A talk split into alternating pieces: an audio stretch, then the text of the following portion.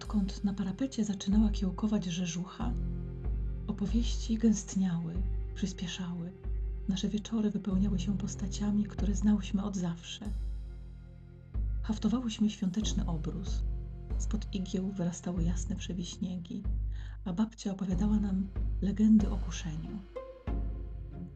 Jak trudno było zrozumieć tamte chwile na pustyni, wiedząc o wszystkim, co wydarzy się później o wieczerzy, o wędrówce z krzyżem, o przejściu przez śmierć. Jak trudno było nam pojąć, że ktoś mógł wątpić w silną wolę Jezusa, próbować go omamić, złamać pokusą. A przecież on sam dopiero niedawno usłyszał, że jest synem Boga. Powiedział mu o tym głos zawieszony nad rzeką, w lepkim, skwarnym powietrzu. Spojrzał na niego tak, jakby wiedział coś więcej tak mówiła babcia o diable, który był dla nas czarną ryciną, góralską rzeźbą, nieporadnym słowiańskim włóczęgą.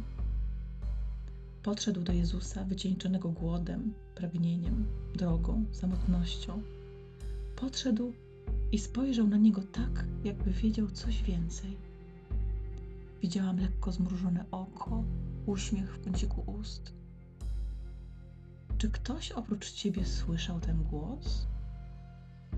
Czy na pewno przemawiał do ciebie? pytał diabeł. Spróbuj, sprawdź, mówił łagodnie, jak troskliwy przyjaciel. Oto kamień, przemień go w chleb. Oto przepaść, rzuć się w nią. Oto ja, twój prawdziwy władca, uwierz w to.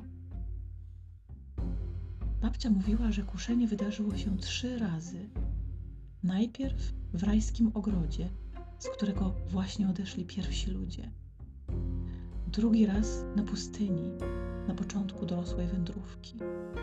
I ostatni raz na krzyżu, kiedy diabeł usiadł na poprzecznej belce i szeptał Jezusowi do ucha, że ten głos nad rzeką był jedynie południowym urojeniem.